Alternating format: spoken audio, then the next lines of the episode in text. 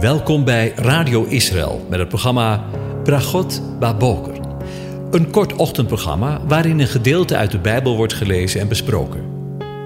Met Bragot Baboker wensen onze luisteraars zegeningen in de ochtend. Presentator is Kees van de Vlist. Hartelijk welkom, beste luisteraar. Vanmorgen denken we weer verder na over Psalm 94. Ik lees het aan je voor. O God van alle wraak, Heere, God van alle wraak, verschijn blinkend. Rechter van de aarde, verhef u, vergeld de hoogmoedigen naar wat zij verdienen. Hoe lang zullen de goddeloze Heere, hoe lang zullen de goddelozen van vreugde opspringen, hun mond doen overvloeien, hooghartige taal spreken? Hoe lang zullen alle die onrecht bedrijven zich beroemen? Heere, ze verbrijzelen uw volk, zij verdrukken uw eigendom.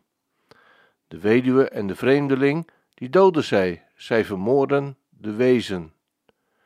En zeggen, de Heere ziet het niet, de God van Jacob merkt het niet. Let op, onverstandigen onder het volk, dwazen, wanneer zult u verstandig worden? Zou hij die het oor plant niet horen, zou hij die het oog vormt niet zien? Zou hij die de heidevolken bestraft niet straffen, hij die de mens kennis bijbrengt? De Heere kent de gedachten van de mens, vluchtig zijn ze. Welzalig de man die u bestraft, Heere, en die u onderwijst uit uw wet. Zij geeft u hem rust voor alle dagen van onheil, totdat de kuil voor de goddeloze gegraven wordt. Want de Heere zal zijn volk niet in de steek laten, hij zal zijn eigendom niet verlaten.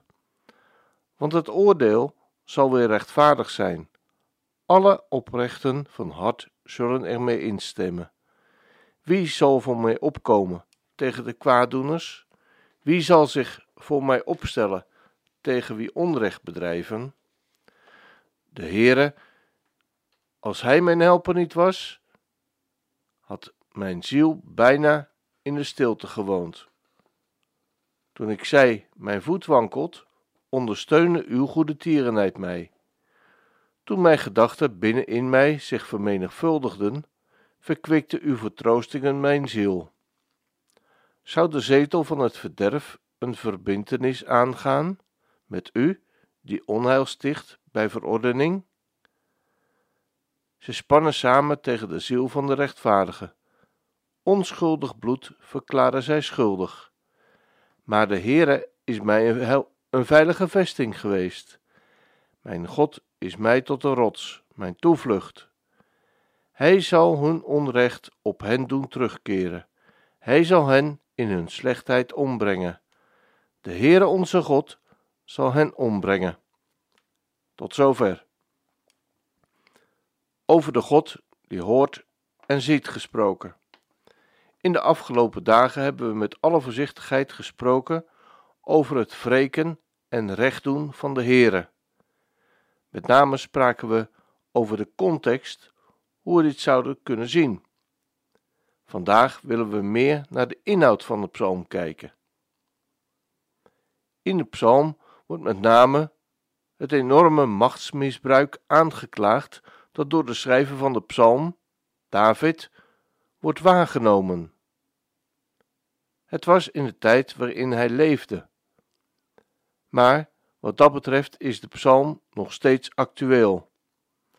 David wil dat de God van recht en vergelding verschijnt. O God van alle wraak, Heere, God van alle wraak, verschijn blinkend. Tot tweemaal toe wordt in dit eerste vers de Heere, de God van alle wraak, genoemd. Hetgeen een versterkend karakter heeft en een verlangen naar God als brenger van de vergelding. Het Hebreeuwse woord dat hier met wraak is vertaald, duidt echter eerder op beschermend of bestraffend optreden. En ja, als de Heere verschijnt, dan verschijnt hij blinkend. De Hebreeuwse uitdrukking die hier gebruikt wordt, betekent letterlijk schijn een licht. Want God is licht en in hem is geen duisternis. Waar hij verschijnt, verdwijnt de duisternis. Duisternis is gebrek aan licht. Want als het licht verschijnt, moet de duisternis wijken. Dat is in het gewone, natuurlijke leven zo, maar ook in het geestelijk leven. Ik moet denken aan de geschiedenis van Mozes, over de periode dat hij in de nabijheid van de Heere God was, op de berg Sinaï. We lezen daarvan in Exodus 33, vers 29 tot en met 35. En het gebeurde toen Mozes van de berg Sinaï afdaalde, de twee tafelen van de getuigenis waren in de hand van Mozes, toen hij de berg afdaalde, dat Mozes niet wist dat de huid van zijn gezicht glansde, omdat de Heere met hem gesproken had. Aaron en al de Israëlieten keken Mozes aan en zie, de huid van zijn gezicht glansde. Daarom waren zij bevreesd om dichter bij hem te komen. Mozes riep hen echter bij zich. Aaron en al de leiders van de gemeenschap keerden naar hem terug, en Mozes sprak tot hen. Daarna kwamen alle Israëlieten naar voren en hij gebood hun alles wat de Heere met hem besproken had op de berg Sinaï. Nadat Mozes geëindigd had met hen te spreken, legde hij een doek over zijn gezicht. Maar telkens wanneer Mozes voor het aangezicht van de Heere kwam om met hem te spreken, deed hij de doek af, totdat hij weer naar buiten ging. En wanneer hij naar buiten gegaan was, sprak hij tot de Israëlieten wat hem geboden was. En als de Israëlieten aan het gezicht van Mozes zagen dat de huid van zijn gezicht van Mozes glansde, dan deed Mozes de doek weer over zijn gezicht, totdat hij naar binnen ging om met hem te spreken. Laten we maar eerlijk zijn. Eigenlijk kunnen we ons daarbij helemaal niets voorstellen. Wat een licht letterlijk. De Heere God is niet om aan te zien. We kunnen bij wijze van spreken niet in zijn nabijheid zijn. En toch, Hij heeft ons opgezocht om ons kinderen van het licht te doen zijn. Wat een genade! David wenst dat de Heere zal optreden als rechter. Zo lezen we in vers 2. Rechter van de aarde, verhef u. Vergeld de hoogmoedigen naar wat zij verdienen. Hij vraagt om de hoogmoedigen, of in, de in het Hebreeuws de trotsen, te vergelden wat zij verdienen. Of met andere woorden, hun verdiende loon te geven. Vergelden heeft te maken met uitbetalen. Uit te betalen wat zij verdiend hebben. In de psalmen duidt het woord hoogmoedigen of trotsen op de tegenstanders van de rechtvaardigen, zoals we lezen in Psalm 10, vers 2. Het zijn leugenaars en lasteraars, volgens Psalm 17, vers 10, tegen wie de psalmist zich wil laten beschermen. Hoe lang zullen de goddeloze heren, hoe lang zullen de goddelozen van vreugde opspringen, hun mond doen overvloeien, hooghartige taal spreken? Hoe lang zullen allen die onrecht bedrijven zich beroemen? Heren, zij verbrijzelen uw volk, zij verdrukken uw eigendom. De weduwe en de vreemdeling doden zij. Zij vermoorden de wezen. Met andere woorden zegt de dichter: hoe lang blijft hun goddeloze triomf duren? En hoe lang hun arrogantie en grootspraak?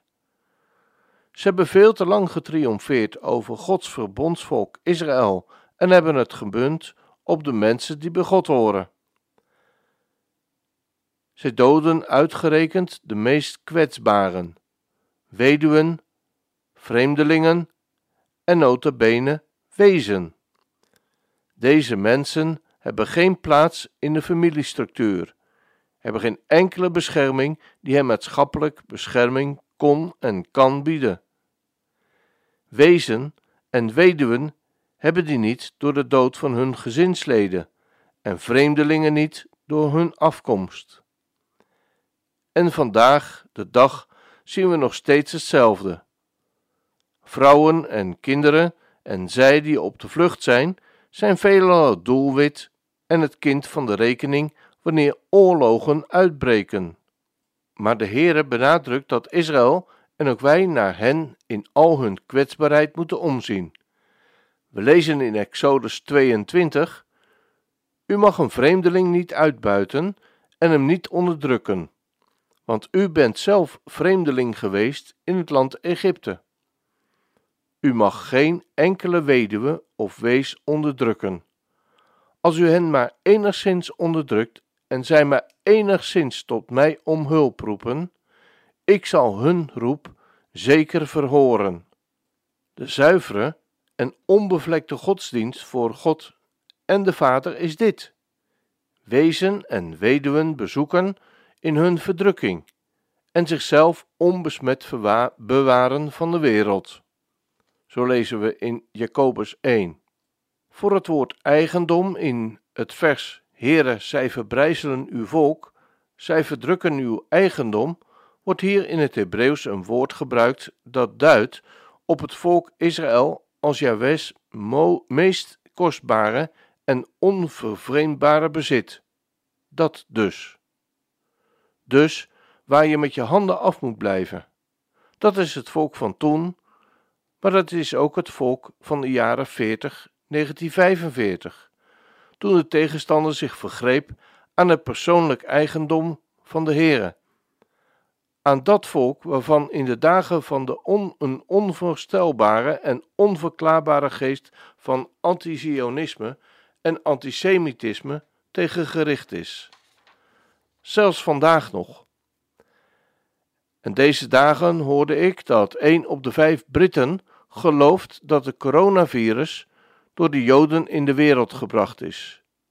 Hoe ziek kun je letterlijk zijn? En zeggen: De Heere ziet het niet, de God van Jacob merkt het niet. Let op, onverstandigen onder het volk, dwazen, wanneer zult u verstandig worden? Zou hij die het oorplant niet horen, en hij die het oog vormt niet zien? Inderdaad, schijnbaar handelen de boosdoeners opportunistisch. Jawel, houdt er immers niet tegen. Ook in onze dagen niet. Wat een lompheid om zoiets te denken, drukt als het ware de Hebreeuwse tekst uit. Je moet wel erg lomp en bruut zijn om zoiets te denken. God staat immers bekend als iemand die vergeldt, zo lezen we in Deuteronomium 32, vers 35 en 41. De psalmist roept deze dwazen, deze lomperts, om beter na te denken. De Heere, de God die oren maakte, zou niet horen, zou hij die ogen maakte niet zien? Tja, in deze woorden zit ook een stuk vertroosting. Voor het volk Israël in eerste instantie. Maar ik moet ook denken aan die duizenden mensen die vervolgd worden in deze wereld om de zaak van het geloof. Zij die geslagen, gemarteld en in gevangenissen moeten zitten, of zelfs gedood worden. Ook vandaag de dag. Wat is het dan een troost om te weten dat God van je afweet, dat Hij je ziet en hoort. Maar ook in het klein, naar jou en mij, ziet Hij om. Soms kan je het gevoel wel eens bekruipen, of God je wel ziet en hoort, zeker ook in moeilijke omstandigheden. Wanneer je maar bidt en bidt en het lijkt alsof, zo wordt er wel eens gezegd, de hemel van koper lijkt en je gebed niet verder komt dan het plafond. je maar geen antwoord krijgt. Wees dan bemoedigd door deze woorden. Zou hij die het oor plant niet horen? Zou hij die het oog vormt niet zien? Ik wens je een van God gezegende dag toe.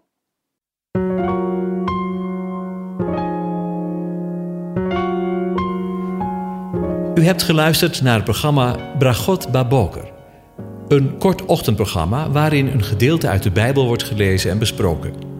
Wilt u het programma nog eens naluisteren, dan kan dat.